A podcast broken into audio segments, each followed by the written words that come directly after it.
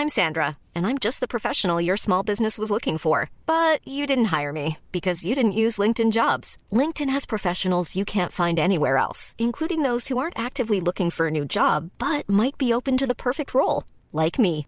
In a given month, over 70% of LinkedIn users don't visit other leading job sites. So if you're not looking on LinkedIn, you'll miss out on great candidates like Sandra. Start hiring professionals like a professional. Post your free job on linkedin.com/people today. When you're ready to pop the question, the last thing you want to do is second guess the ring. At Bluenile.com, you can design a one of a kind ring with the ease and convenience of shopping online. Choose your diamond and setting. When you find the one, you'll get it delivered right to your door. Go to Bluenile.com and use promo code LISTEN to get $50 off your purchase of $500 or more. That's code LISTEN at Bluenile.com for $50 off your purchase. Bluenile.com code LISTEN. There's never been a faster or easier way to start your weight loss journey than with PlushCare.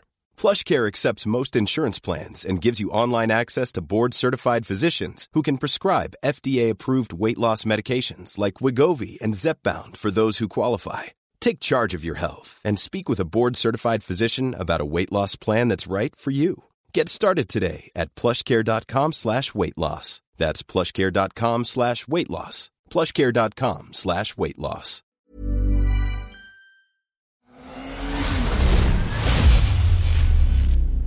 MC-podden. Du lyssnar på MC-podden. Jag heter Johan Ahlberg. Och jag heter Mikael Samuelsson.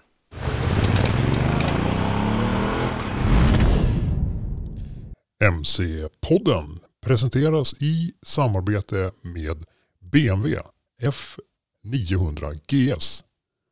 För mer information om F900 GS och BMW Motorrads övriga motorcykelmodeller surfa in på www.bmw-motorrad.se MC-podden produceras i samarbete med CF Moto. Mer om motorcyklarna från CF Moto hittar du på cfmoto.se.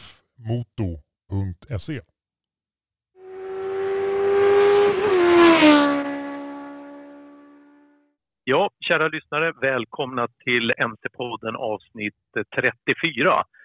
Det här sker på ett lite speciellt sätt som vi inte är vana vid. Eh, jag, Micke, sitter ute i skärgården och har lite sportlov. Och eh, Johan, var Mm. befinner du dig då? Eh, Jag har faktiskt kommit hem igen efter en Ja. vistelse söderöver. Så att jag sitter i studion helt enkelt. På hemmaplan Härligt, i härligt. Svedala. Ja, Så, eh, eh, precis. Du har ju varit iväg och kört ett eh, antal hojar som vi lite strukturerat kommer nu att gå igenom alldeles strax. Mm. Eh, Så det har hänt väldigt mycket sedan avsnitt 33 då vi hade en eh, väldigt härlig gäst i form av Robert Gustafsson. Men nu blickar vi lite framåt här och eh, utöver det här så har vi lite andra nyheter vi kommer gå igenom också. Mm. Eller hur? Ja, och så har ju Björn, eh, vår kära kamrat och medarbetare BG Gunnarsson träffat eh, Irene Gunnarsson som pratar lite mer om hennes Isle of Man expertis och intresse och ja, det är ju SO eh, MC-legendaren eh, SO Gunnarssons änka. Men vi, vi tar det lite längre fram här i, i, i programmet. Först, eh, allra först skulle jag vilja göra en liten rättelse av mig själv. Mm. eh, när det gäller El- Kawasakis Eliminator. Den eh, välinformerade och den eh, vällyssnande hörde att jag sa 471 kubik. Det stämmer inte, det är 451 kubik. Jag vill inte vara petig, men däremot vill jag säga, bara säga det. Mm. 45,4 PS vid 9000 varv. Och då måste jag fråga dig, Johan, Mm. vet du vad PS står för? Mm. Det är Vad står det ju, för? Vet du det? det är ju hästkrafter. På tyska, ja. Ja, Färde stärke, där färd betyder häst och stärke betyder styrka. Det var bara kul sådär tyckte jag, för att man har ju undrat, men jag tog reda på det. Det är så här, eh, det här var ju visserligen en rättelse. Eh, och vi har säkert sagt andra felaktigheter här i podden. Det finns inga garantier här i världen. Men i avsnitt 28 av MC-podden så snackade du och jag lite svävande och, kanske en del kanske tyckte det var lite okunnigt om eh, Toaster Tank som designen av ja, det kommer, det kommer jag ihåg. Ja, det och, ihåg. och, det är ju vad, liksom själva designen av bensintanken hos nya BMW R12. Eh, alltså syskonmodellen till R1290 som jag, vi kommer prata lite mer om i den här podden, i det här avsnittet, som jag har provkört. Men hur som helst, R12, alltså syskonmodellen då, har en tank som, där designen kallas för Toaster Tank. Och vi pratade lite flummigt kring det här och det gjorde att en, en eh, lyssnare, Pelle Rindar, hörde av sig och delade med sig och gav oss lite, vi kan kalla det lite mer kött på benet i ämnet. Så jag tänkte att, ja, jag tänkte vi kunde läsa upp lite hur Pelle förklarar designstilen Toaster Tank. BMW R75 5 fanns mellan 1970 och 1973. Till årsmodell 1972 kom den i USA med en mindre tank som hade kromade paneler på sidorna. Den amerikanska folkhumorn döpte därför tanken till Toaster därför att den från sidan påminde om amerikanska brödrostar, vilka ofta var kromade. Den kromade tanken blev aldrig populär då den ansågs prålig, påminde om japanska hojar och dessutom var funktionellt sämre då den rymde mindre än den tidigare tanken. BMW var då framförallt en hoj för touringåkare som körde mycket och de ville ha den längre räckvidden som den vanliga tanken gav dem.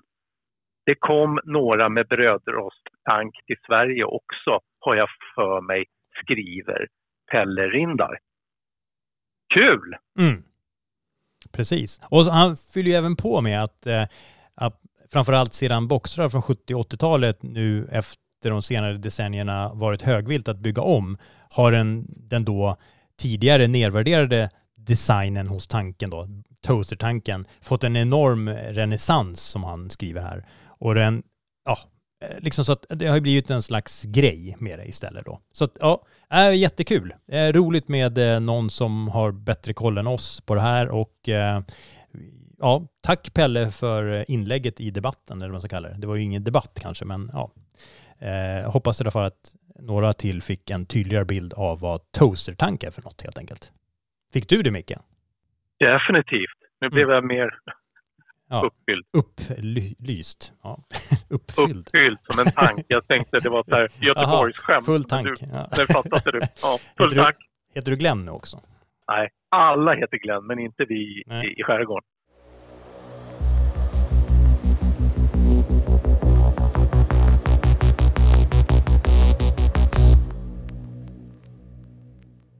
Vad börjar vi med Micke? Ja, jag vet inte. Det, det, finns så mycket godis att prata om. Du har ju varit iväg och kört ett eh, antal hojar som vi lite strukturerat kommer nu att gå igenom alldeles strax. Mm. Eh, jag tänker också på när Björn, att han var iväg, så provkörde ju han tre hojar, för mm. det var ju ett Duke-event så att säga. Han hade ju olika storlekar på Duke här. Mm. Men du har ju faktiskt varit ute med, och vi börjar med BMW tycker jag, och mm. då är det som så att då, då är det ju tre hojar för din del också. Här ja. gäller det att hålla isär begreppen, höll jag på att säga. ja. eh, så ja. att jag tycker faktiskt att vi går in och börjar med eh, deras nya F900 GS. Mm. Och då är det så här, för de, de, som inte känner till det Johan, så kan jag bara initialt säga det att eh, R1250 som numera har blivit 1300 GS, mm. det handlar ju om en boxermotor men F900 GS, mm. varför heter den F900 GS? Ja, det kanske syftar på motorn va? I det här fallet Johan. Och... Ja, tvåcylindrig radmotor helt enkelt. Exakt. Och hur var din upplevelse kring eh, denna hoj och, och vad var förutsättningarna för provkörningen? Ja. Berätta lite. Ja men alltså, som du var inne på, vi körde ju helt enkelt under den här lanseringen, det var ju världslanseringen av tre nya BMW-modeller och det var en väldigt speciell sådan på det sättet att det var liksom vitt åtskilda modeller. Om vi tänker F900G som du nämnde här, offroad äventyrshoj. Eh, sen var det 1290 som är mera en, eh, en heritage, en roadster, liksom en eh, mera klassisk hoj. Tänk inte custom men liksom åt det hållet, liksom mera så. Och sen, ja. och sen ja. M1000 XR, alltså den lite mer crossover eh, sporttouring-modellen eh, som liksom är eh, nästa modell som, får, ja, som blir en M-modell. Vi pratar extra av allt, fullproppat med godis och, i, och framförallt i kolfiber. Så att ja, men eh, om ja, vi då... och det här, och det här, ja. det här blev ju, det här är ju BMWs tredje M-modell va? Mm, precis. Eh, Stämmer. De har ju haft två stycken tidigare då som har det här lite extra av allt också. Mm. Och där jag även har, har uh, känt och klämt på någon i, vid något tillfälle. Ja. Men det ska bli intressant att prova. Men vi börjar väl med F900G. Ja. Vad är din uppfattning kring den? Och... Nej men eh, överlag, det här var ju en liten solig historia kan vi säga som inleddes med landsvägskörning på förmiddagen då, den dagen vi provkörde F900GS. Och eh, då körde vi eh, en version av F900GS eh, som då dagen till ära hade försetts med landsvägs, mer landsvägsbetonade däck. Eh, och och eh, så var det liksom en förmiddag på landsväg. Eh, och sen efter lunch så hoppade vi, bytte vi, så fick vi köra F900 GS, eh, som i det här fallet var med trophy-lack, sån här klassiskt BMW röd, vit, blå, som då hade försetts med ehm, grovmönstrade däck. Så att det, och dagen, resten av dagen då tillbringades på löst underlag. Och de hade verkligen fokuserat på att hitta stigar och grusvägar som gjorde att vi, jag ska inte säga någon procentsats, men det var väldigt få metrar av eftermiddagen som kördes på eh, så att säga fast underlag. Det var, de hade verkligen jobbat hårt med att, undvika det. Så det var riktigt, och det tyckte, jag gillade det konceptet, så att vi verkligen fick smaka på dem, dem ordentligt eh, på sina olika håll. Då. Men ehm, eh, ja, så att, och det här är ju liksom eh, framförallt minst, den stora behållningen för min del var ju att, att eh, för de som känner till så är liksom F eh, någon storlek GS, eh, tidigare då F850 GS som F900 GS ersätter. Eh, den har ju vuxit då från 853 till 895 kubik. Men jag skulle vilja påstå att eh, ja, förutom att det här ger mer kraft och bättre prestanda och sådär, så är det inte det som är stora grejen här, utan det är hur man har gjort eh, designmässigt eh, har liksom fått den här, man har både sänkt vikten rejält, eh, vi pratar 14 kilo, eh, men också fått eh, hojen att bli så oerhört mycket mera slimmad. Så den är, jag skulle vilja säga mera rally, mera race, eh, utan att det är ingen racehoj, det är en landsvägsreggad eh, äventyrsmaskin. Men den är mer eh, liksom hårt inriktad mot sina kanske främsta konkurrenter. Jag tänker KTM och jag tänker Tenere och som från Yamaha och så. Eh, mera liksom hardcore grusvägssmisk för de som nu förstår vad jag menar. Eh, så att den, det var riktigt lyckat tycker jag.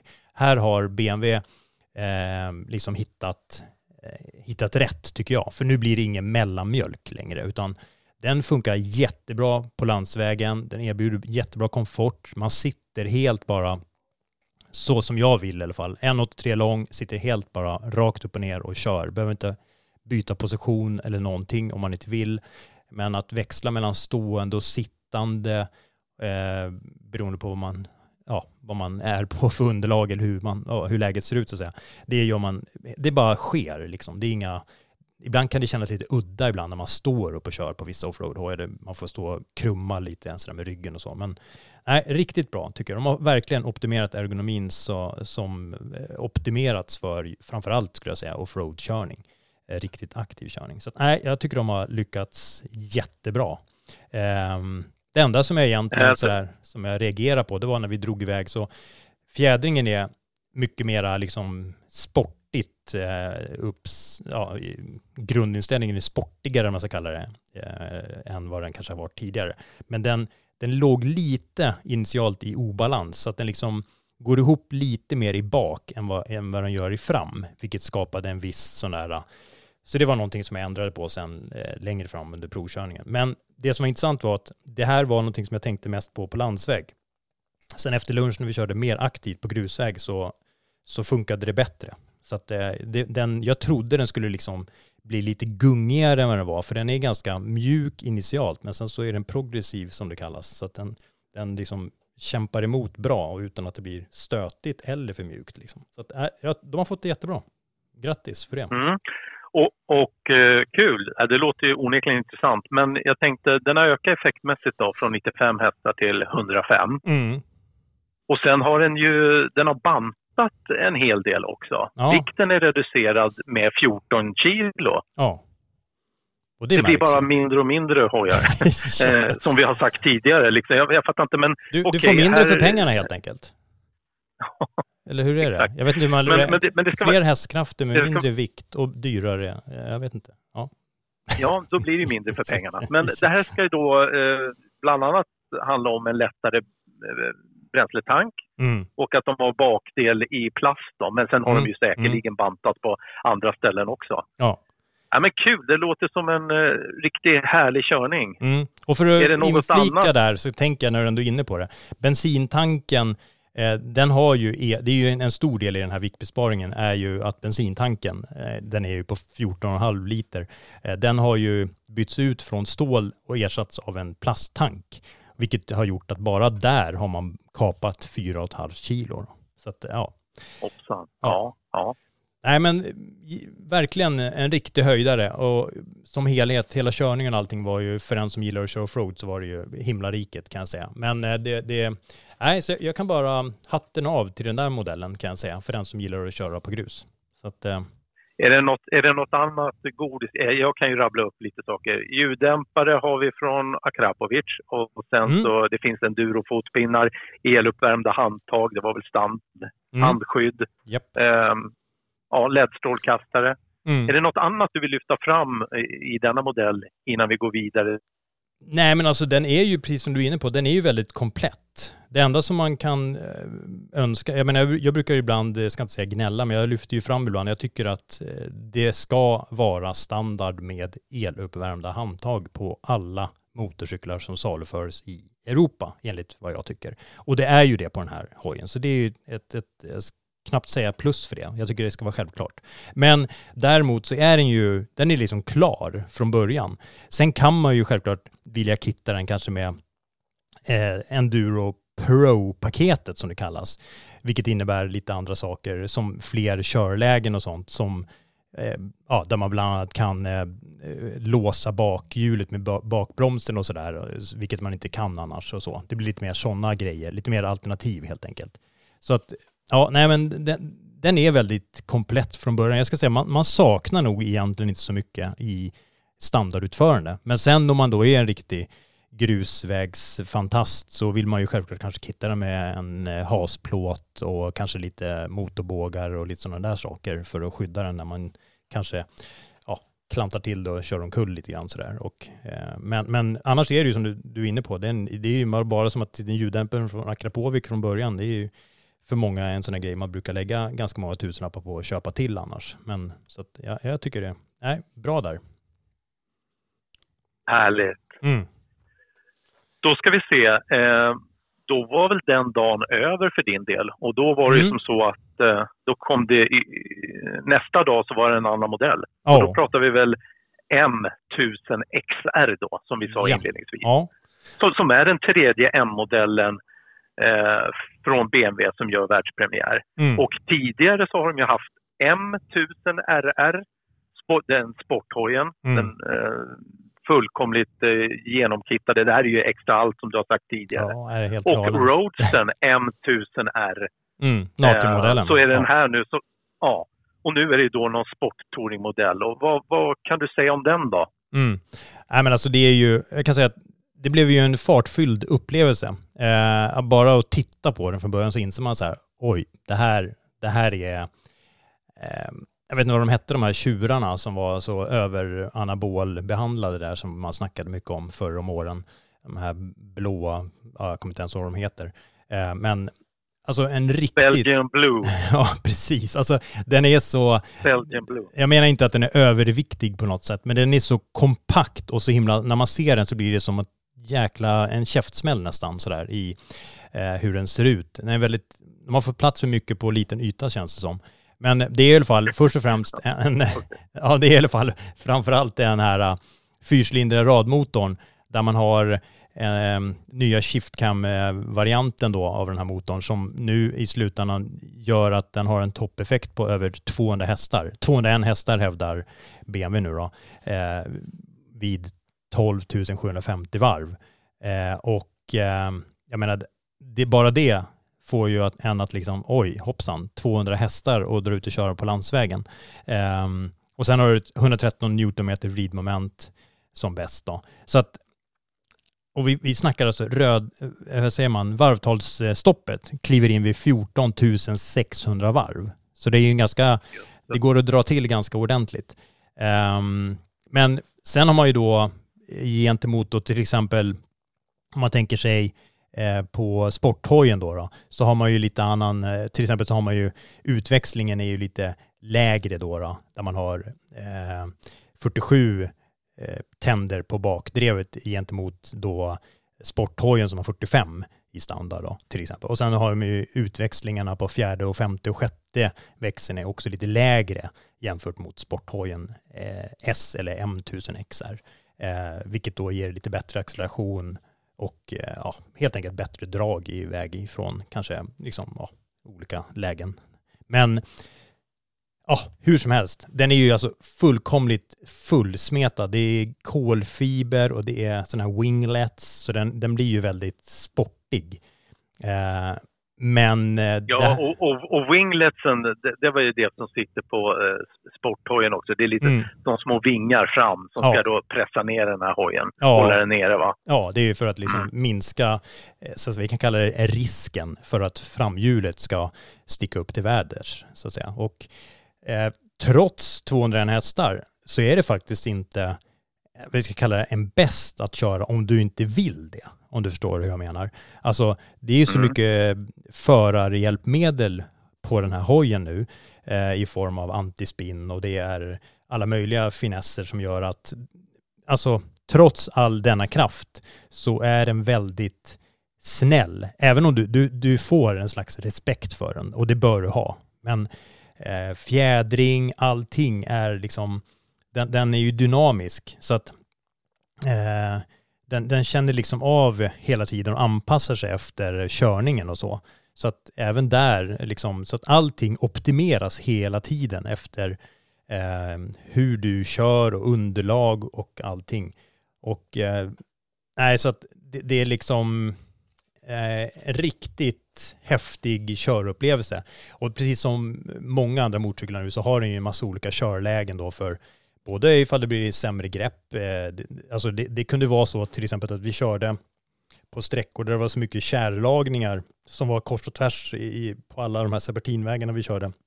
Så att då kunde det vara att rekommendera att slå på regnläge, trots att det var blå himmel och, och sol, så att säga. Eh, men helt enkelt bara för att eh, minska risken för eh, ja, ofrivilliga bakhjulssläpp eller någonting sånt där. Um, men sen har den ju så här, du vet, uh, lutningskänslig antispinn då, då och alla möjliga sådana här saker som känner av, precis som det är jättevanligt idag på många motorcyklar. Uh, och sen massa olika... Men hur, hur, satt, hur satt du på den då, om du jämför med en Adventure-hoj till exempel? Nu är det här en sport Tourer. Ja, ja men du? man sitter faktiskt väldigt så här rakt upp och ner också. Tänk eh, lite mer offroad sådär, men ändå, man sitter ju ganska mycket i hojen, liksom, om du förstår vad jag menar. Man, man, man liksom, ja. brett styre, det känns som att man har väldigt bra kontroll över allt som händer och sker. Och eh, till exempel, du vet, bara sådana här känslor som kan vara ibland på en offroad-hoj, att när man kör fort eh, på framförallt kurvvägar så när man nyper till i frambromsen så har ju många hojar en tendens att niga ganska mycket eh, vilket ger någon slags eh, spännande upplevelse kan vi kalla det. Men i det här fallet så är det, den känns bara helt neutral. Den, det känns inte som att den ändrar på sig någonting egentligen i, den, den bara ligger välbalanserad oavsett om du accelererar eller kör hårt med motorbroms eller bromsar med frambroms eller bakbroms eller vad du än gör så känns det som att den bara hämtar hem det liksom i fjädring och chassi och sådär så den bara håller sig balans. Eh, och eh, Eh, det som också är häftigt med det här det är att även när det var, vi pratar eh, kurviga bergsvägar där du kanske växlade mellan att köra på de här riktigt skarpa lågfartshårnålar till att slå på ordentligt på rakerna i några hundra meter så kunde du i jag säger inte att det, det kanske inte är så många kör, man kanske inte vill det, man kanske tycker att det är kul att växla. Men du kunde lätt ligga på treans växel och köra ner till 20 km timmen och upp till 120. Förstår du vad jag menar? Alltså att mm -hmm. det, ja, liksom, det, det, var helt galet hur den bara drog. Eh, och eh, ja. kanske inte helt, det kanske inte är så man kör optimalt, men, men ändå att man kan det. Liksom. Det, det ja, motorn erbjöd rejält med, med pulver kan man säga. Eh, på ett positivt och det, och det Finns ju en, ja, och det finns ju en massa eh, elektroniska hjälpmedel på den här, mm. eh, förstår jag. Ja. Den har väl allt från, och, och, och Shift eh, Assist har den väl då? då. Mm. Det testade du? Jajamän. Det var inga problem? Nej, absolut inte. Så att eh, det är ju, du, launch du bara... Control, launch control för ja. perfekta race-starter. Ja, så att allting, ja. det gör ju, trots all den här kraften så är den väldigt lättkörd. Även för personer som kanske inte har jättestor motorcykelerfarenhet skulle jag våga påstå. Så är det ju liksom, eh, okay. så länge allt det här funkar, eh, och det gör det ju. Så att, eh, jag menar, bara som att kunna växla utan att behöva bry sig om kopplingen eller som du är inne på, bara kunna slå på iväg från ett rödljus när du slår om till grönt så behöver du inte vara jätteorolig för att framhjulet ska skicka upp till skyn. Om du nu inte vill det, som vill säga. Men ja, sen finns det ju ännu mer, för den, den här är ju verkligen extra allt, men så finns det ju mängder av eh, så här M competition package och sådana saker som då, där man, vi pratar kolfiberhjul och eh, ja, alla möjliga extra extravaganta saker som, ja.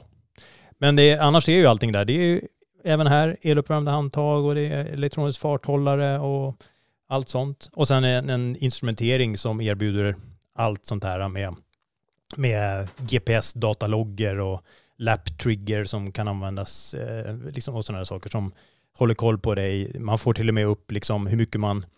Eh, alltså när du stannar på fikapausen kan du kolla hur, vilken högsta nedläggningsvinkel du hade och sådana där saker. Så att, ja, så okay. att, ja, så det, det, kan bli liksom, du och din körkamrat som har likadan hoj kan ju jämföra med varandra då, och se vem som la ner värst ja, vem, i kurvan. Vem som har varit, vem som har varit modigast. ja, så att eh, det, det, det var någonting vi eh, ja, eh, jämförde oss med varandra så att säga, när vi körde såklart. Eh, men, eh, Kul! Ja, så att det, det var en minst sagt fartfylld provkörning kan man säga. Så att på helt fantastiska vägar. Så att, ja.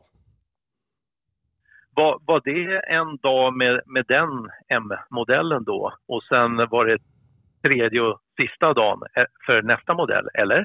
Nej, utan det var faktiskt så att det var en halvdag med den bara. Och sen så efter det Aha. så, efter lunch så var det bara snabbt in som Fantomen, eller är det Stålmannen kanske som går in i, i telefonkiosken och svida om till lite annan utrustning ja, som passade bäst. Det, det, är Stålmannen, det är Stålmannen som gör det. Ja. Fantomen han kryper in i sin grotta. Ja, där, precis. Det, ja, det, var därifrån jag kom på morgonen, mm. grottan, Fantomengrottan. Sen gick jag in jag i fattar. telefonkiosken, bytte om till lite mer klassiska Roadster-kläder och eh, drog ja. iväg på R129T efter lunch. Så att det var ju ja, helt enkelt sänka sitthöjden lite och eh, farten också till viss del. Men det, det gick ganska undan där också faktiskt, måste jag erkänna. så att, eh. Och här pratar vi en stor uh, boxermotor då mm. och en härlig glidare av något slag. Ja, jag vet inte, glidare, då kanske många tänker just eh, custom sådär, men det här är ju mera en heritage, alltså en, en liksom klassisk roadster sådär med, med boxer. Uh, jag skulle vilja säga, det är ju mera liksom en, ja fast, ja, jag vet inte, det är ju hår, hårfint däremellan kanske. Eh, men det som du säger, det är ju en boxermotor, 1170 kubik och eh, vi pratar rejält med, med vrid och eh, tillräckligt med kraft för att du ska dra iväg ordentligt med den här. Eh, den, det är liksom, när, man, när man ser den och man hoppar bakom styret på den här så det är ju en stor hoj, ingen tvekan. Men och, och jag ska vara ärlig och säga att det kräver ju alltid lite, medans F900 GS och M1000XR är sådana hojar du bara egentligen bara hoppar upp och kör. Alltså det är liksom ingen tillvänjning eller vad man ska säga egentligen. Det är alltid lite tillvänjning på någon sekund eller några minuter eller något sånt där kanske. Eh, innan man hittat så här bromspunktslägen och sådana saker. Eller ja, hittat rätt körställning eller något. Men när det gäller R1290 så är det lite mera, eh, kanske inte bara för att det är en boxermotor, utan alltså för boxermotorn i sig ju, har ju vissa egenskaper som är lite speciella. Som att de, de lever ju om på ett speciellt sätt. Eh, även fast eh, moderna boxermotorn som i det här fallet har ju, lever ju inte om alls lika mycket ihop med kardandriften och så som de kanske gjorde för ett antal år sedan. Eh, nu är de ju betydligt mer sofistikerade och mer städade så.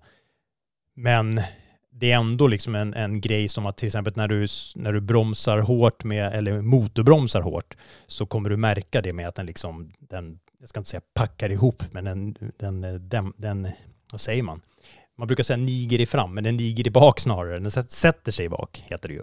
Mm -hmm. eh, lite sådana där grejer som påverkar lite som hur det känns. Att, ja, det, det, blir saker, det rör på sig lite mer sådär. Liksom i, så initialt så blir man lite så wow, vad är det här som händer? Och fick jag släppt det? Nej, det var bara hojen som gungade till lite grann. Så När man liksom lite brutalt kanske skickar i en lägre växel och sådär så blir det en väldigt kraftig motreaktion liksom hos hojen och sådär. Så men så fort du eh, ja, liksom vänjer vid det här så är det bara liksom bortblåst. För att det, du, jag vet inte, men man anpassar sig till det här. Framförallt är det också så att man kanske Eh, för en lite mer komfortabel körning så väljer man kanske att hela tiden ligga på en växel högre.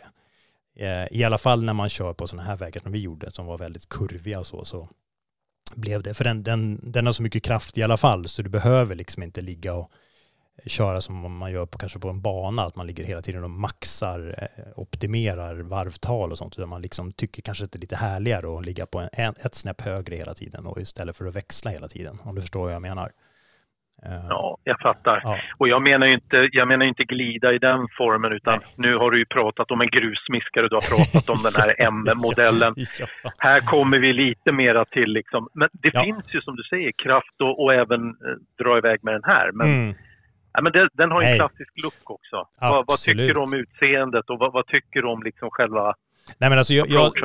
Eh, jag tycker så här att det är väl upp till var och en att tycka till om kanske designen och sådär, men jag tycker ju ändå att det som är framförallt roligt designmässigt med den här, som kanske är en jättestor sak också, eller kanske det är en stor sak, det är ju den här äh, finessen som finns eh, ända sedan BMW initialt lanserade den modellen som hette R9T, som är ursprunget till det här. Eh, då när, precis som den här modellen nu, så har den ju fått en helt nyutvecklad ram i, gjord i stålrör eh, stålrör eh, med en, ah, en bakram, en separat bakram. Men hur som helst, ihop med att man också använder ett elsystem med en så kallad Linbus-nätverkslösning. Eh, så jag kan gå in på det lite mer, men det är att helt enkelt du kan personifiera den här modellen ganska enkelt. Trots avancerad teknik, där det ofta kan då vara ganska svårt att byta ut, låt säga du vill ha andra blinkers och sånt där, så klipp och klistrar du elsystemet, det är ju inte riktigt läge för det i dagens, hos dagens moderna motorcyklar. Utan då har man ju så olika nätverkssystem och sånt som kräver lite specialkunskaper då. då. Eh, men i det här fallet så är det ganska enkelt att bygga om motorcykeln och man kan redan från början beställa den med lite eh, det, det spär ju på priset såklart, men du kan, du kan redan från början välja en, eh, ja, en liksom hoj som är helt i aluminium till exempel, eller eh, lägga till en eh, snygg sån här retro rund toppkåpa. Tänk klassisk racing så här från förr. Eh, lite sådana där saker eh, som gör att eh, hojen blir mer som du vill ha den, liksom personligt, utan att Okay. Utan att du behöver liksom skicka den till någon byggare som bygger om den för flera hundratusen. Så köper du bara delarna och smäller på. Liksom. Så det, det, finns massa sådana färdiga lösningar så att säga. Och det tycker jag det är ju jättekul att eh, man erbjuder en sån motorcykel som gör att gemene man enkelt kan personligt anpassa hojen efter som, som den vill ha det helt enkelt. Så, men trots allt det här som jag sagt, det, det är en lång hoj, det är liksom en stor motor och allting. Så det är inte, liksom, det är inte en jättelätt liten 125 du kör, men det är inte heller en stor klumpeduns om du förstår. Utan den är, den är ju smidigare och mer liksom eh, lättkörd än man kan tro. Eh, och man sitter ju nära marken liksom med 785 mm sadelhöjd. Så att det, det, är ju liksom, och nu pratar vi standard, sen finns det ju möjlighet att både eh, sänka och höja sadelhöjden med olika typer av sadlar och sånt. Så att, ja. Så att, äh, mm. men det, det, är en, eh, en annan typ av hoj mot de andra två, men en eh, riktigt eh, körbar och eh, jag blev faktiskt, ehm, jag ska inte säga förvånad, jag blev, vad säger man? Ehm, tappade jag ordet. Vad säger man? Jag blev positivt överraskad helt enkelt. Eh, inte för att jag kanske var, ne, jag, hade, jag hade inga negativa eh, tankar egentligen innan heller, men jag blev ändå på något konstigt sätt positivt överraskad över hur, den, hur den levererade på alla områden. Fjädring, bromsar, chassi, hela helhetsupplevelsen var en, en trevlig, men eh, och vi, jag kan, jag kan, väl säga att vi, det kördes på betydligt mer än vad jag tänker att den här modellen är egentligen initialt eh, tänkt att köras. Eh, om du förstår vad jag menar. så att, så att, jag, jag förstår. Ja, ja. Och, när du, och när du säger sådär med att jag har ju heller aldrig en negativ inställning när jag ska provköra en hoj. Mm. Men det är ju som så att man kan bli positivt överraskad ändå. För ja. att man hade en neutral inställning på något sätt.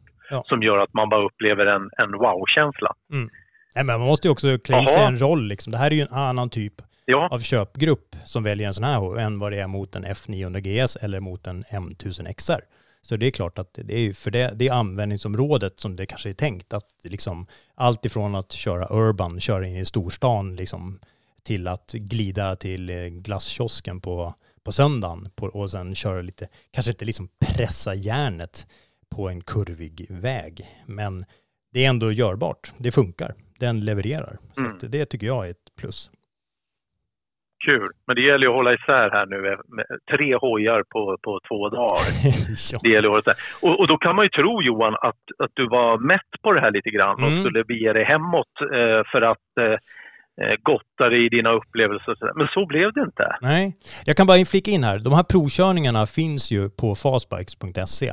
I alla fall F, i nu, eh, nu när den här podden publiceras här den här fredagen så finns F900 GS och eh, R1290 finns ute att, till att eh, läsa och kolla in. Eh, och sen fyller vi på här nu med M1000 XR och även de andra modellerna som vi snart ska prata om. Precis, i rask takt och så mycket du pallar med så att det blir bra eh, artiklar om dem så kommer de ut. Ja, Helt precis. rätt. Ja. Men du, du, du begav dig inte hemåt Nej. Utan du stannade kvar lite grann. Ja, jag, jag ville För det var dags för nästa. Ja, jag hörde att det var kallt hemma så jag tänkte att jag stannar ett tag till. Nej, men det var ju så att eh, det var ju dags för eh, världslansering och provkörning av nya Vitpilen 401 och Svartpilen 401 från Husqvarna. Då tänker ju våra lyssnare direkt, vad är det för typ av hojar? Mm. Och nu snackar vi ju inte så här gamla retro, typ tänk silver och guldpilen och sånt, utan det här är högst moderna, nakna eh, roadsters skulle jag vilja säga. Den ena då, svartpilen, är lite mera eh, Mad Max, tänker jag. Eh, Medan vitpilen är ju lite okay. mera eh, slimmad, eh, des, ja, slimmad eh, nakenmodell för kanske framförallt så här kurviga småvägar hemma vid och in till stan och snurra omkring in i stan och så. Ingen av dem är ju kanske optimerade för många mil eh, på motorväg eller någonting sånt. Men ja, allt, är ju, allt funkar ju, det vet ju du också. Men ändå. Ja, ja. ja. ja. Men, men överlag så. Och de här modellerna, de har ju funnits, alltså sedan 2018 då de dök upp då, så har de ju uppdaterats lite grann. Men det här är ju något helt nytt. Eh, Husqvarna själva hävdar ju att det är två helt nya modeller. Och jag är väl till viss del beredd att hålla med. Um, enligt uppgift så är ju omkring 90 procent av komponenterna helt nya. Um, jag fattar väl det också att ja, hjul och sånt är ju fortfarande det är svarta däck och det är runda fälgar med antingen eh, svartpilen då har ju svart, svart ja, tur att de är runda. Ja, det är bra. inte platta och fyrkantiga. Nej, men svartpilen då till exempel, de är alltså, de här två modellerna är på sätt och vis, historiskt sett så har det varit större skillnader mellan dem. Ehm, där då vitpilen hade en väldigt, för den som kanske har sett eller provkört eller någonting så vet man att den hade liksom mera clip-on styre, alltså styre som sitter på gaffelbenen som gjorde att det blev en ganska extremt framåtlutad körställning. Jag beskrev det någon gång som att det kändes som att du var en levande missil för det som var längst fram var ditt huvud om du tänker det. Man liksom, det var som att man tittade ja. du rakt ner utan att titta framåt, då tittade du rakt ner i framdäcket, liksom lite grann så kändes det. Det var ungefär så man kände det. Medan svartpilen ha, hade en lite mer upprätt körställning. Eh, och, eh, men till i år... Men nu, nu men, men nu menar du att de är lite mer lika varandra, om man ska ja, säga så, eller vadå? väldigt mycket mer lika okay. varandra. Eh, det är nämligen så att Eh, när allt summa summarum är ihopsmält här nu, vitpilen och svartpilen, så det enda som skiljer de två, eh, där då, som det låter på namnet, vitpilen är i standard med en vit, vita kåpdetaljer eh, och gjutna fälgar. Eh, och sen har svartpilen eh, är svart med trådekrade fälgar och har också eh, lite grövre däck, grovmönstrade däck, medan vitpilen har lite landsvägs, mera släta landsvägsdäck. Men den stora eh, skillnaden egentligen är att det enda som skiljer körergonomiskt är att styret är lite högre på svartpilen. Medan eh, på svart, okay. vitpilen så är den lite lägre men också lite bakåt. Så att den, vi pratar i princip ingen skillnad alls. Och varenda komponent på vitpilen kan du flytta över till svartpilen och vice versa. Jaha. Ja. Okay. Så du kan alltså i praktiken köra omkring med en, en eh, vitpilen som är helt svart. Eh, och från början så är det så att svartpilen kommer också med en sadel som är med så att säga en separat passagerarsadel. Alltså en delning mellan förar och passagerarsadel medan vitpilen kommer standard med en hel sadel som är liksom sträcker sig från, ja du fattar, från front mm, till mm. i bak. Eh, men du kan montera på vitpilens sadel på svartpilen och vice versa.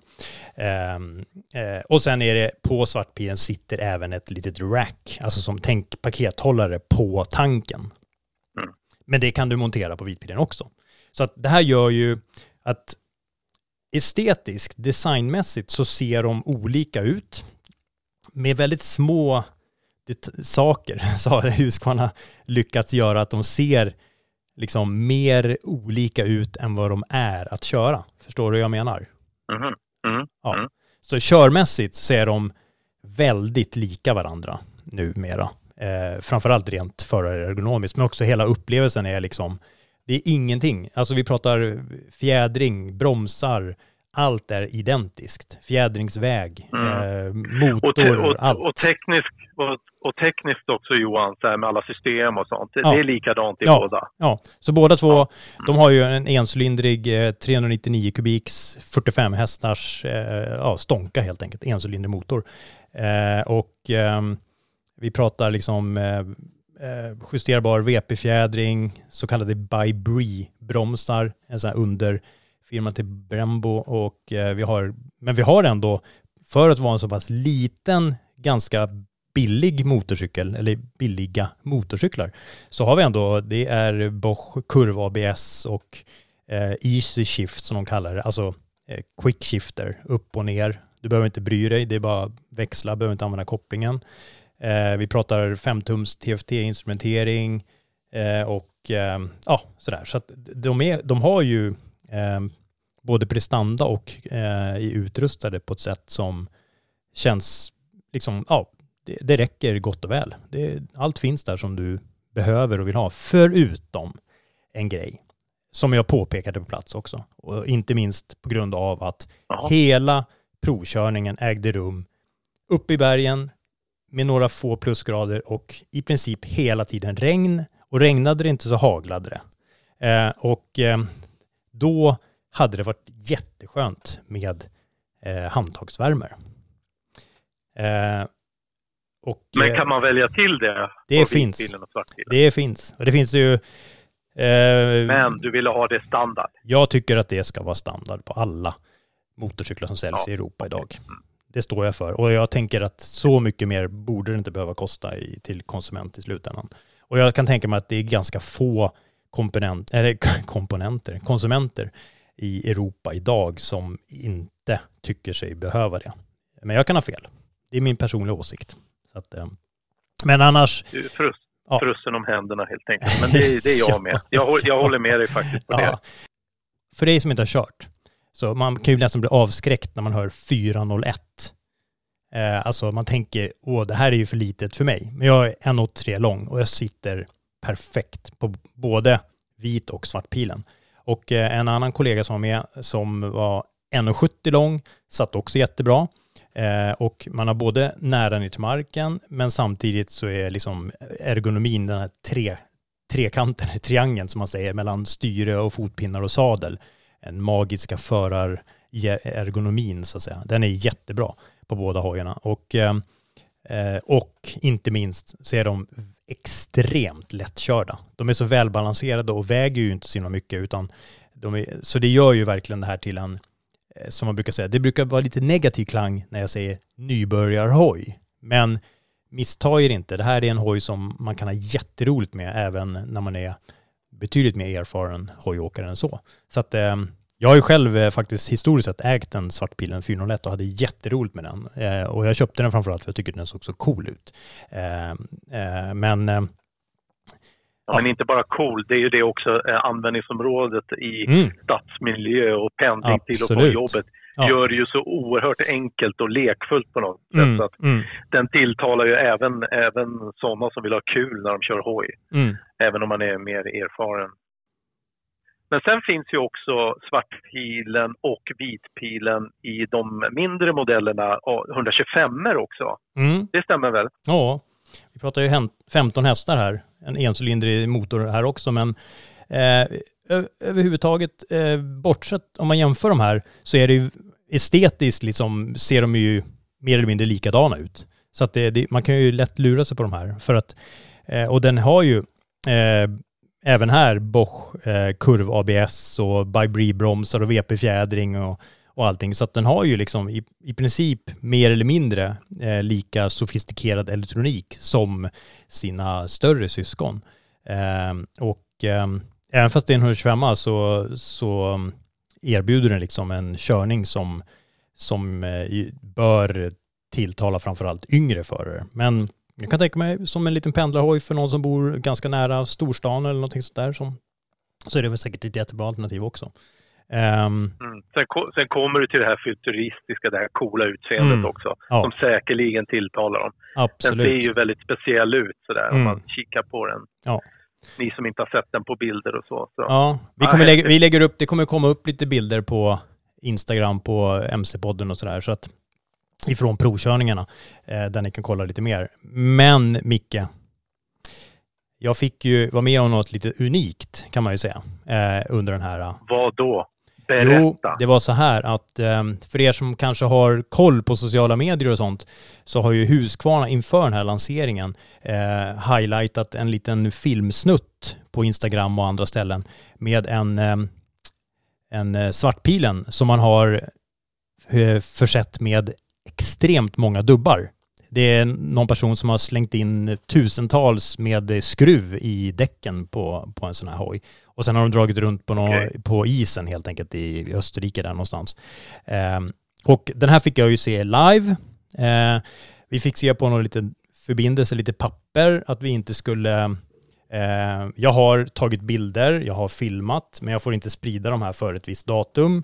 Och eh, det här aktuella datumet då kommer jag att, när det inträder så kommer jag publicera eh, lite bilder och sånt från det här. Men eh, i samband med det här så fick vi även se den eh, svartpilen 801. Så vi kan säga att vi var de första externa personerna utanför fabriken som fick se den här eh, nya skapelsen då. då. eh, av Svartpilen 801 som sen kommer världslanseras eh, och eh, provköras av världens eh, press här någon gång i slutet av april. Eh, och jag kommer ju vara där då och köra den så att det ska bli jättehäftigt. Det som jag tyckte var roligt var att utan att säga för mycket så var ju det en helt ny design som i alla fall på något sätt gör att de här det har skilt lite mer förut mellan 401 och 701 som är föregångaren till 801 om du förstår vad jag menar. Um. Men nu, nu är de lite mera lika varandra så att det liksom inte skiljer sig designmässigt lika mycket som det gjorde förut. På gott och ont kanske. Jag tycker det är på, på gott att de ser likadana ut. Jag, jag gillar designen hos eh, Svartpilen 401 framförallt. Så det, det var riktigt en cool grej. Vi fick till och med höra när de startade upp den och lite sådär. Så att, ja, det lät, det lät bra kan jag säga. Spännande, verkligen. Mm. Mm. Det ska bli intressant att se mm. framtiden och även höra om den provkörningen.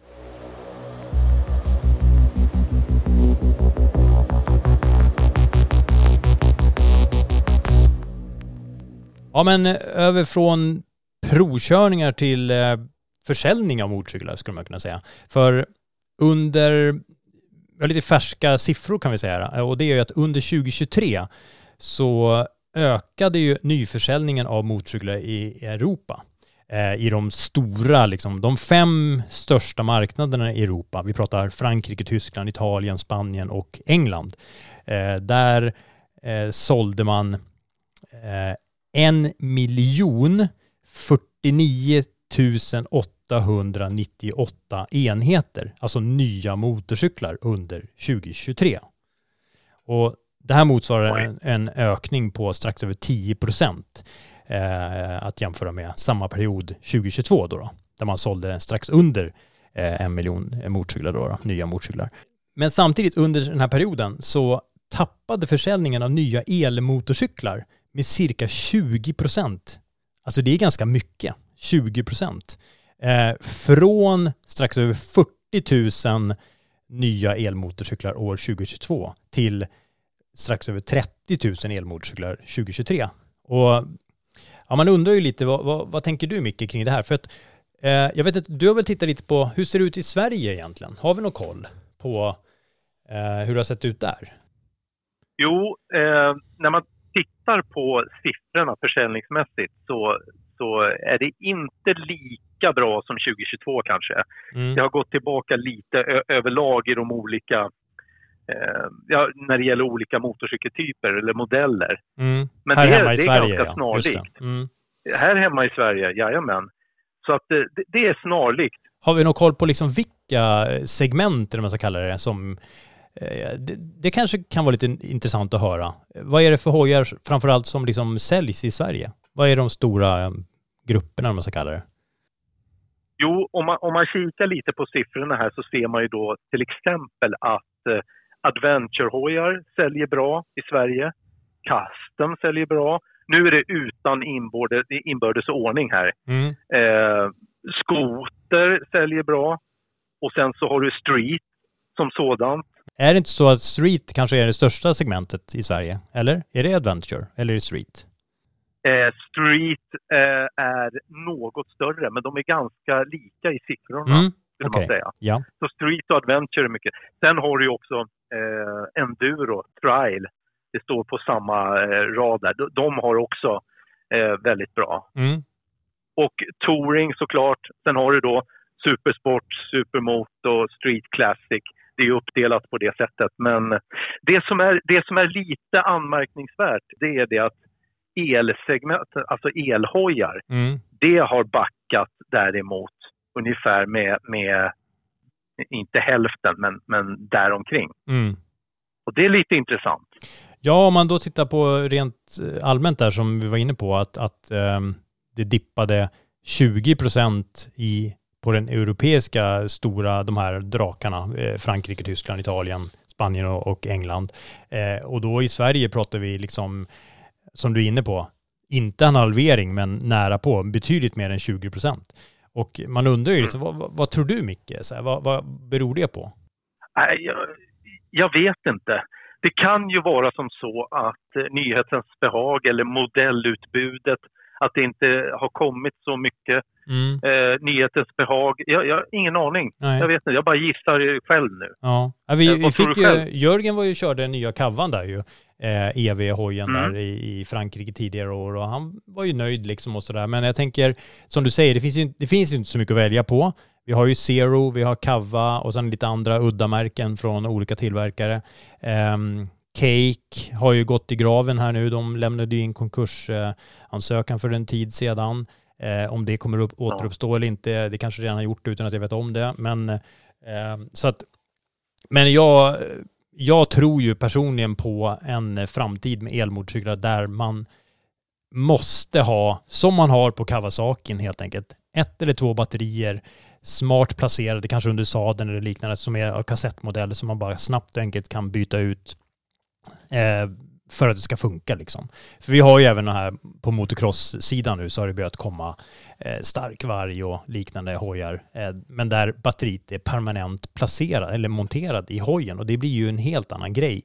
Eh, för du måste ju, jag har hört redan stories om eh, förare av starkvarg som helt enkelt i pausen då när batteriet är, eh, när de har fått batteritorsk, då laddar de batteriet med sitt bensin bensinelverk i depån. Eh, och det i, Aj, aj, känns ju som att det haltar lite grann någonstans då när man gör så, tycker jag personligen. Mm. Ja, Så jo. Men, eh, nej men, Men, jag, framtid, det, framtiden får väl utvisa helt Ja. enkelt Johan vad... Ja. vad det här är ju bara fakta, för- det här är ju inget som vi tycker något om egentligen kan man säga, utan det här är ju bara rena Nej, fakta nej, liksom. nej, Eh, Det är bara som det är liksom. Så att, ehm, men annars då, jag tänker på, på, det händer ju lite grejer här nu inför våren och jag tänker att, jag menar, vi är ju i slutet av februari här nu, ehm, rättare sagt i början på mars är vi ju faktiskt redan när podden kommer ut. Och eh, då är det ju alltid intressant med saker som, ja, liksom när det nalkas eh, vår, vad säger man, vårruset höll jag på att säga, man ska ut och köra första gången. Jag vet Micke, du har ju Ja. kollat på den här, eh, någon app. Som Nej, ska men det, vara, finns, det, finns säkerligen, det finns säkerligen flera appar, men Mm. vi har ju kikat lite grann sådär på, mm, lite nyfiket på den här D-Tech-appen. mm, Och där kan man ju med några enkla knapptryck rapportera in egna vägsträckor till exempel. mm, Och då kan man ju få då hitta eh, bra vägar att åka. Det där kan ju alltid eh, vara en liten utmaning. mm, Man känner att jag skulle vilja åka norröver. Eh, Finns det några bra vägar? Och då, då kan man dela med sig av det här i den där appen. Nu Mm. har vi ju inte testat den fullt ut. mm, Eh, Vi skulle kunna göra så att vi återkommer i ett senare avsnitt med att testa den här fullt ut. mm, Jag gick in, jag, jag laddade ner den, jag fick registrera mig. Man kan lägga upp bild på sig själv och, och säkerligen knyta an till kompisar och så. Man kan lägga in sin motorcykel med bild och eh, information om det. mm, Och så provade jag bara och, och eh, från och till något ställe sådär. Och så kan man undvika motorvägar, man kan undvika oasfalterade vägar om man skulle vilja det då, att, Mm, att mm. inte ha med grusvägar. Då kan man klicka bort det så får man grusvägar, man kan välja hur kurvigt man vill ha.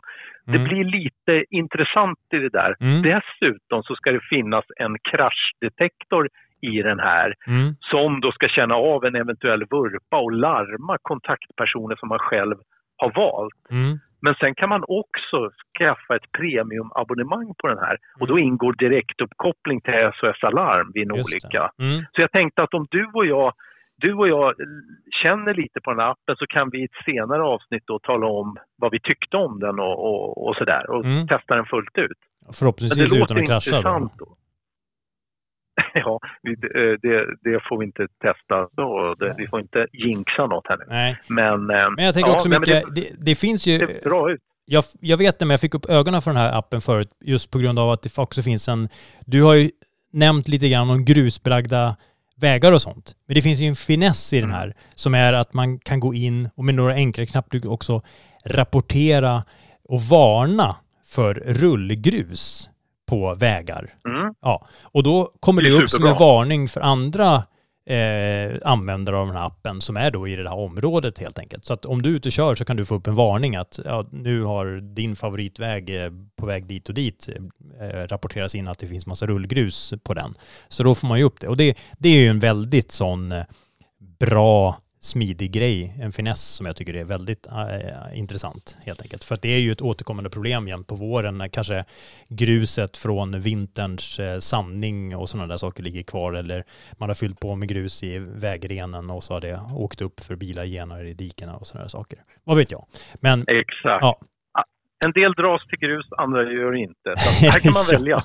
men, hur, superbra. men hur som helst, som du redan nämnt, det är klart vi gör det. Vi, vi ska testa och vi kommer testa eh, både med Android och iPhone för att se om det skiljer sig någonting och sen ska vi prova det här, eh, som du sa, redan fullt ut utan att krascha helt enkelt. Sen då när man väl eh, beger sig ut på gatorna när eh, våren har kommit på riktigt, ja då gäller det ju att se upp också Johan så man inte eh, gasar för mycket. Åker man fast. kan ju bli lite gasglad. Ja, precis. Man kan bli lite gasglad när man har suttit och och i sin vinterdvala, vad vet jag. Men mm. vi vill ju säga till alla att köra jätteförsiktigt.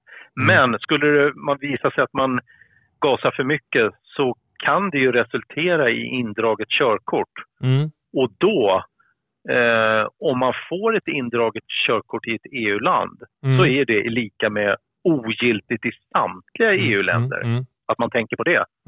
Eller hur? Ja, alltså de har i alla fall i eh i Europaparlamentet så har man ju genomfört en omröstning där man röstade för ett initiativ för att säkerställa att återkallat körkort i ett EU-land blir ogiltigt inom hela EU. Um, ehm, och um, så att det är precis som du är inne på. Um, tidigare så kan det ju vara så att du har blivit av med körkortet i Tyskland eller i Danmark eller någonting så har du ändå kunnat köra vidare i Sverige för det har liksom inte rapporterats in hit. Uh, men uh, ja, så att det här kommer ju bli en stor förändring när man tittar på det här med eh, trafiksäkerhet och sånt så är det lite kul att se att eh, det är så många som har valt att eh, köpa så kallade personliga registreringsskyltar under 2023.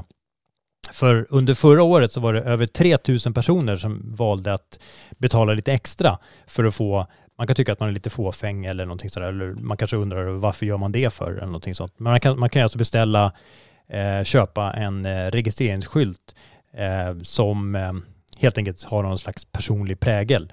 Eh, det finns ju massa regler kring det där och, och, och så. Eh, men eh, eh man, det kostar 6 200 kronor eh, och då gäller den, den personliga regskylten gäller ju i tio år. Och sen kan man ju förlänga det här då och så.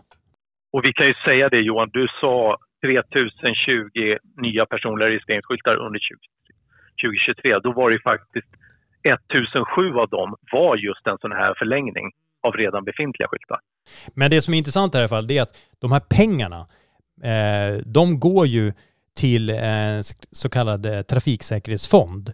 Och eh, under de senaste tio åren så har Trafikverket betalat ut över 90 miljoner kronor från den här fonden till då, som har gått till olika projekt det skulle kunna vara till exempel den här DTEC-appen eller till liknande som stödjer eh, trafiksäkerhetsfrämjande eh, arbeten i olika former då, då. högt som lågt. Det, jag vet, eh, det har kommit varje år olika exempel på vilka organisationer, det kan ha varit SMC till exempel och sånt, eh, svenska, Sveriges motorcyklister då till exempel som jobbar för ja, bättre säkerhet för motorcyklister och sånt där. Eh, till exempel att de får en ekonomisk stöttning från något projekt som de driver då, då. Eller att du kommer på någon genialisk lösning för att eh, till exempel sätta över något skydd på vajerräcken eller någonting som är billigt och funktionellt att göra så kan du få bidrag för det helt enkelt.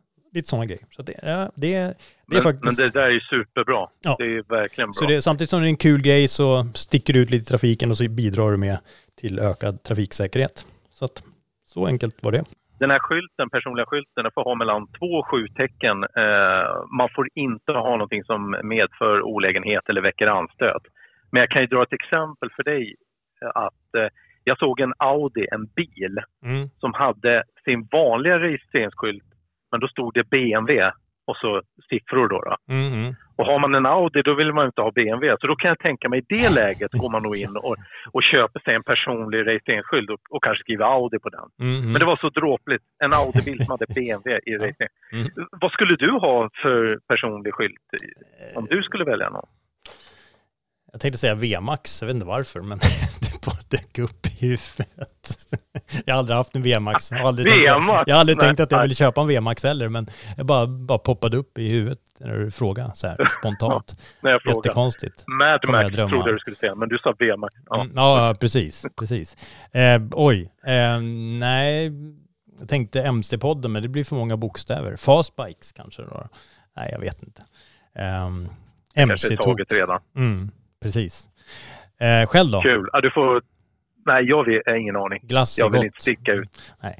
Ehm, jag var ju inne på, jag nämnde ju SMC här precis, och, eh, men jag tänker när vi ändå är inne på det så SMC då, då Sveriges motorcyklister, eh, de jobbar ju för oss hojåkare med alla möjliga former, politiskt och trafiksäkerhetsmässigt så att säga. Eh, kämpar ju för våran, vi kan kalla det våran rätt att köra motorcykel. Eh, men eh, hur som helst så har ju eh, försäkringsbolaget Swedea, eh, olika, de har ju olika samarbeten då, då för att just eh, skapa ökad säkerhet för motorcyklister.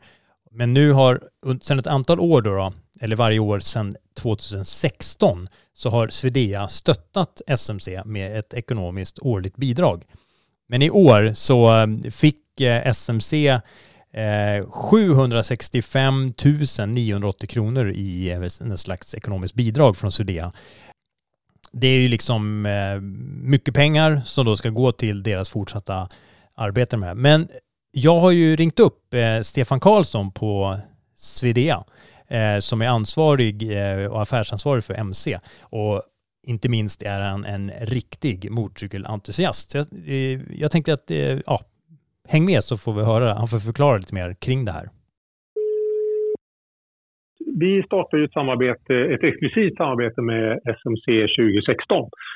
Eh, innan det så hade man ju rabatt på försäkringen om man var medlem. Men, men vi vill, både vi och SMC vill ju ta det här lite längre och se om man kunde göra något mer. Så vi startade ett lite mer exklusivt samarbete där vi, där vi stöttar varandra i, i framförallt i jobbet runt trafiksäkerhet. Där SMC idag är den enda organisationen som faktiskt jobbar för att ta tillvara och framförallt motorcyklisternas då, rättigheter eller möjligheter i samhället.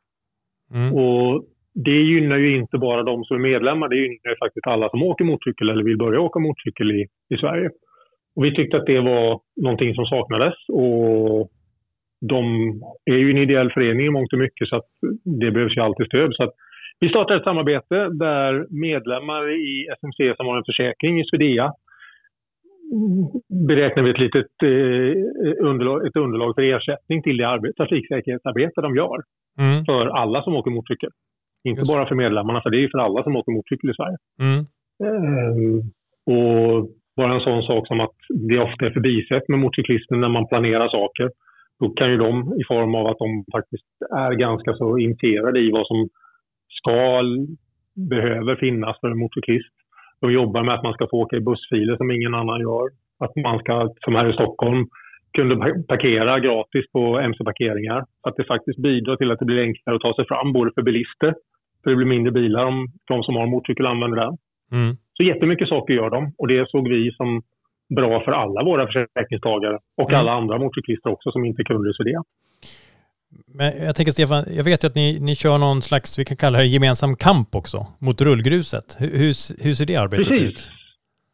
Eh, SMC har ju jättemånga år jobbat med just det problemet att åker man hoj, alla som åker hoj vet ju vad som händer om man kommer på en fin liten väg. Så har man lagt lite stödremsor eller något annat. Och så har bilarna genat i kurvorna och dragit ut grus precis framför där man kommer. Det är ju som att... Man blir ganska stel många gånger och tycker att det är skitjobbigt. Mm. Vi tycker också att det är jättejobbigt och vi frågar ju våra kunder i den, det vi kallar MC-kollen varje år och ser att för utöver andra fordon så är rullgrus det värsta man vet. Och vi tänkte, kan vi göra någonting för det här? Så vi eh, ihop med SMC tog upp eh, det här lite högre på agendan igen då, där vi faktiskt eh, gick så långt så vi tog bort självrisken på vagnskadeolyckor som orsakar rullgrus under den tiden det ska vara borta på året. Då. Mm. Och de får, utav oss underlag för hur många olyckor som sker på grund av rullgrus. Um, och det här har vi gjort nu ett antal år. Det som är lite glädjande är att vi kan i skadestatistiken hos oss i alla fall se att det är en liten sjunkande frekvens. Och det är nog inte att det är mindre rullgrus utan det är nog kanske att uppmärksamheten runt det hela har gjort att man tänker lite mer på det och kanske är lite mer vaksam. Mm. Ja, och det här är ju inte minst intressant nu när det nalkas vår och första, höll på att säga, tjurruset, eller vad säga, hoj, hojturen sådär. Absolut. Och, och, där det faktiskt och då får man ju ändå se upp. Ja, precis. Men alltså, jag vet ju också att ni har ju samarbete med de här, för vi har faktiskt just pratat om det i podden här nu som kommer ut här nu, om den här D-Tech, eh, som jag vet att ni också mm. har någon slags, eh, man har lite rabatt, om man har försäkringen hos er så får man väl, är det 30% rabatt på prenumerationen? 30% rabatt. Ja. Precis. Eh, och den här abonnemang, appen... På ett premiumabonnemang som det kallas då, där man blir, får en uppkoppling mot SOS International mm. om man åker ut för en olycka. Just det. Eh, och sen kommer lite andra funktioner i det där också. Och i där kan man också hjälpa till att varna för rullgrus som ligger och, mm. och också ha, få varning då som förare mm. i, om man har telefonen tillgänglig eller om man har den uppkopplad mot ett headset. kan man få varning att här är det någon som har rapporterat att det finns rullgrus. Ja.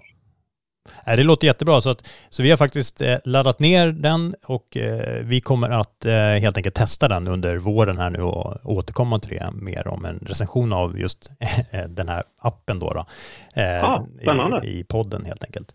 Nej men så jättekul initiativ och väldigt bra initiativ tycker jag för att eh, som du är inne på, både att skapa ökad säkerhet och bättre förutsättningar för oss hojåkare i Sverige eh, rent politiskt och eh, jag menar man jobbar ju även europeiskt i, i, med FEMA och allt sånt där. Jag tänker det är ju väldigt viktigt arbete SMC gör. det är kanske inte alltid alla ja, har, har det, när saker funkar så kanske man inte tänker på allt som de gör som är bra liksom. Så att, heller. Så att, det brukar ju vara så. Ja. Man, man äh, brukar ju kanske inte uppmärksamma det här stora arbetet som är bakom kulisserna som SMC drar väldigt mycket i. Mm. Men, men, vi ser ju vilken nytta det får och, och ser också vad de, vilken energi de lägger på att svara på remisser från politiker som inte, som inte själva åker motorcykel. Som mm. behöver någon som kör motorcykel som kanske läser igenom vad de tänker. Ja. Där är SMC fantastiskt duktiga. Men Stefan, då önskar jag dig en eh, supertrevlig eh, motorcykelsäsong? För jag vet att du också kör motorcykel. Nu väntar vi bara på att det ska bli lite, lite varmare. Ja. Det vart ju lite, man vart ju lite inspirerad häromdagen när solen kom fram, så då startade man upp den, men det vart ju frost igen sen. Så att, ja, fick man backa tillbaka. ja. ja, så kan det vara. Men snart så. Ja. ja. Snart så. jättekul. Ja. men eh, stort tack för att du tog dig tid att prata med oss här i MC-podden. Tack själv.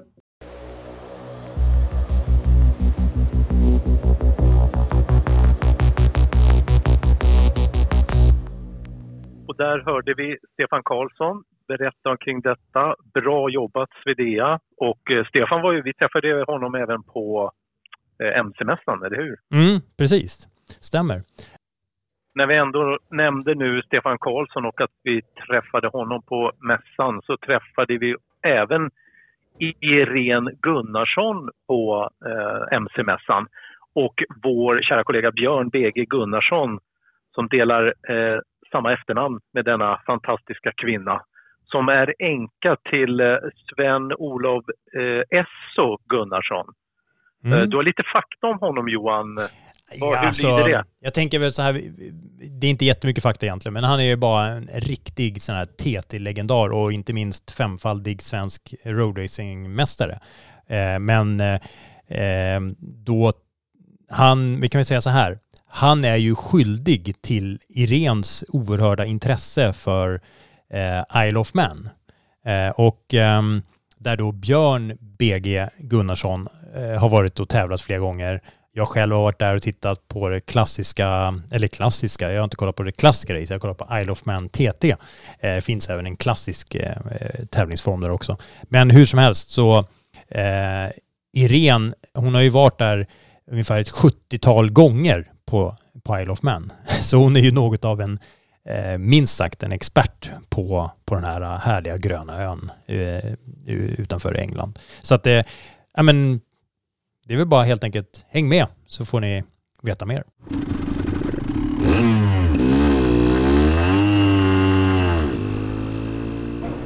Ja, Micke och Johan, nu ska vi faktiskt eh, ta chansen att göra en eh, intervju som jag brinner mycket för. Ni vet ju att eh, jag har ju alltid ett litet Isle of Man perspektiv i allting vi gör. Det är ju där borta mitt eh, hjärta eh, finns sedan lång tid tillbaka och nu har vi sprungit ihop med en kvinna på mässan här som faktiskt kan ännu mer om Isle of Man än vad jag kan.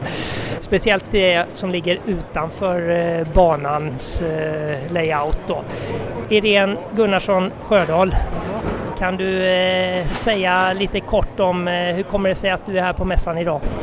Ja, det var ju mest för att jag ville eh, se lite roadracinghojar och sånt men jag har inte sett en enda än. Nej, det stämmer bra det. Jag har också gjort den iakttagelsen men eh, då får jag säga till mässans försvar att jag har inte eh, hunnit eh, gå igenom utan, alla mottrar utan när jag fick reda på att du var här så rusade jag ju iväg tvärs över hallen för att få fatt i dig här då. Du och jag, vi har ju ett gemensamt Isle of Man-intresse. Hur många gånger har du varit på ön? Ja, drygt 70.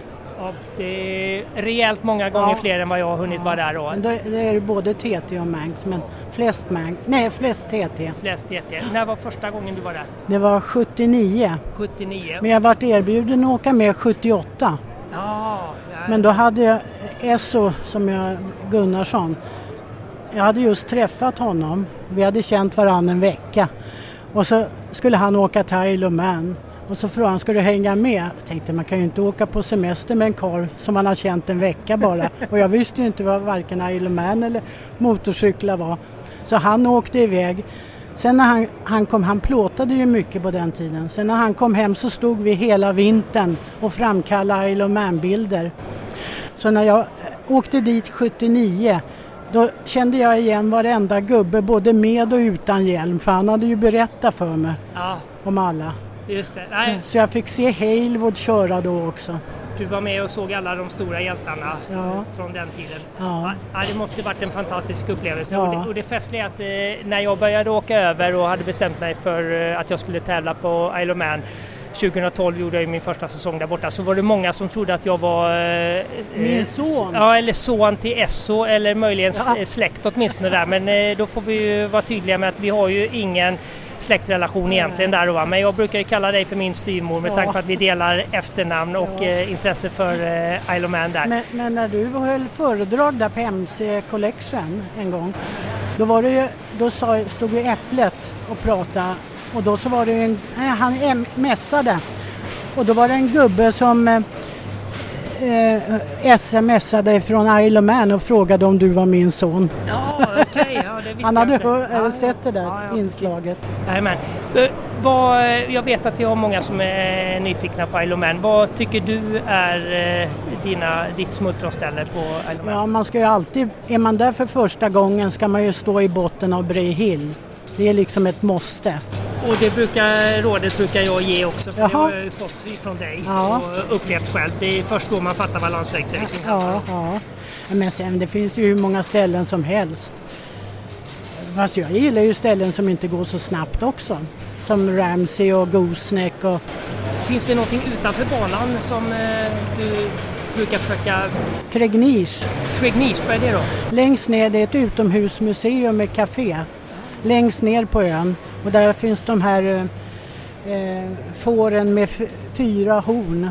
Just det, det är de och Och manskatterna. bruna Är de. Ja. Och ja. manxkatter utan svans. Ja, just det. Ja. Vad finns det? Är det mer eh, ett eh, kulturmuseum då eller vad är det? Det är inte motorcykelrelaterat? Nej, det är inte Nej, motorcykel. Nej. Så att, nej, för det är det som jag tycker är så fantastiskt med ön också, att det, finns så mycket utöver eh, Ja, oh ja. Oh ja. Så att det är många som glömmer bort det. Ja. Nej, det är en liten trevlig by. Ja. Mm. Ja, Johan här då. Jag måste ju bara få passa på att fråga här då. då. Vad, vad skulle du säga så här om jag säger, eh, kan du inte bara, eh, någonting som ingen vet som du vet som har hänt med, med Björn där på Isle of Man. Någon riktigt rolig anekdot, någon liten kort händelse. Kan jag inte komma på så här? Kan du inte tipsa Du mig? får ingen draghjälp utav mig i det fallet där. va? Det, de grejerna, Nej, de, nej. Något knas eller något roligt eller nå nå- Han har alltid uppfört sig så väl och, och varit duktig på banan. Och, Välartad pojk alltså Ja. helt enkelt. har jag inte berättat för dig när jag åkte fast för polisen, jag och Tucka eller? Du var tucken. Ja, nej, då, får, då, då, då nämner vi inte det här. Nej, vi glömmer det. Vi, vi, vi pratar inte om det. Och min man Esso, han, han låste fast en polis in i garaget för att polisen kom in på kvällen när han höll, hade varit ute och kört eh, med sin Norton. Esso hade varit ute och kört med sin Norton. Det var på 60-talet? Ja, ja. Och då så eh, hörde han hur det knarrade i den där garagedörren och in kom den här stora polisen. Och, och så började han plocka grejer från olika, så la på andra ställen. Och, och Esso skulle ju upp och ut och träna så han var ju tvungen att vara klar med hojen vid 4-5 tiden på morgonen. På den tiden körde vi morgonträningar, det gör man inte i ja. ja.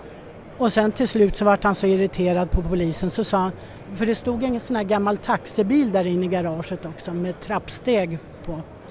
Så sa han till eh, polisen, ska jag visa dig hur de gör med gangsterna i Amerika? Ja, sa den där polisen, det kunde han göra.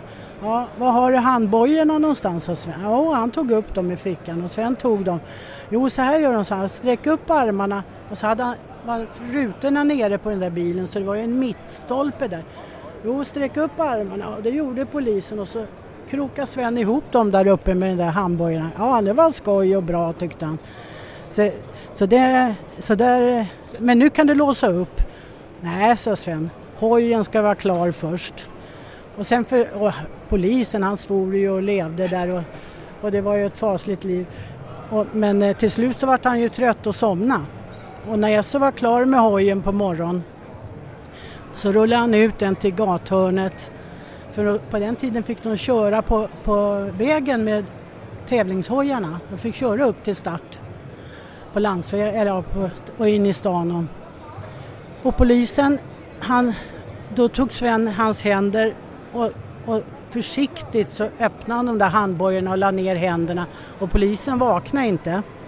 Och Esso drog iväg med hojen och ut på träningen. Han tänkte nu står de väl och tar mig nästa varv jag kommer, men det var ingenting. Och han var klar och åkte ner till garaget och det var lugnt, polisen var borta. Och sen på kvällen, då hör han hur det knarrar i den lilla dörren igen och in kommer polisen. Enda skillnaden var att han gick med händerna på ryggen hela tiden. Han petade inte på en pryl och han sa ingenting och han anmälde honom inte heller. Han fattade vinkeln. Han fattade ja. vinkeln, ja. Underbart Irene. Jag vet ju som känner dig eh, ganska väl att du är full av sådana här historier så att jag är helt säker på att eh, jag har fått eh, Johan och Micke att bli nyfikna på att få återkomma till dig här framöver. Ja. Tack för det. Tack.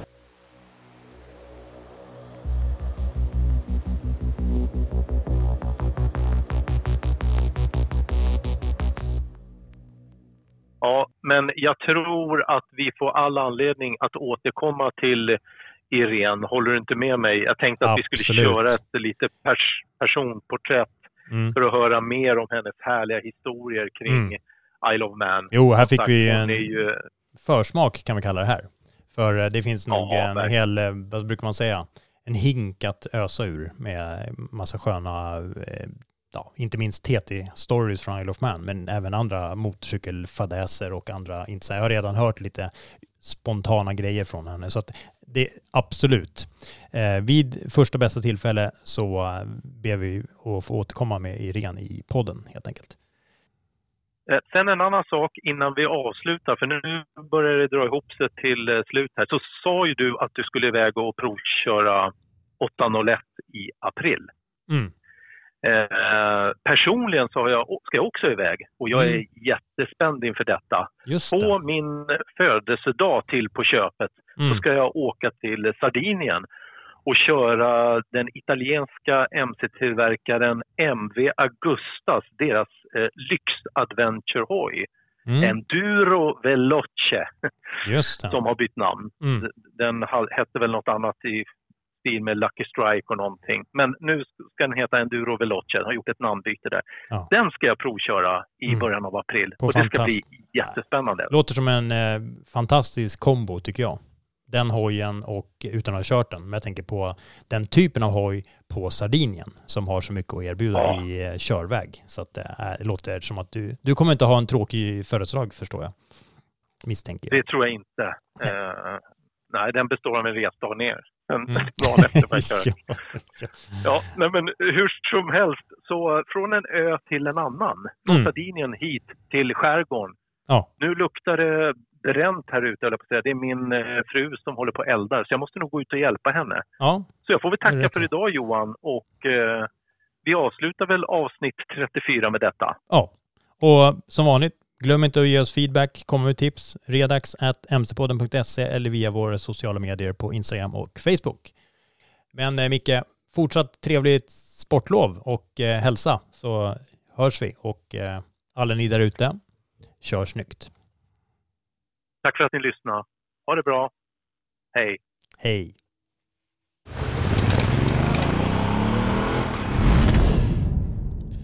MC-podden presenteras i samarbete med BMW F900 GS. För mer information om F900 GS och BMW Motorrads övriga motorcykelmodeller surfa in på www.bmw-motorrad.se. MC-podden produceras i samarbete med CF Moto. Mer om motorcyklarna från CF Moto hittar du på cfmoto.se.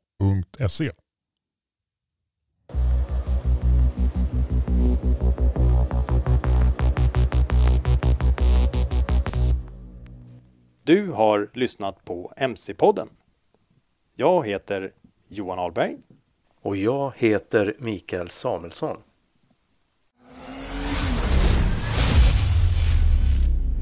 MC-podden. Planning for your next trip?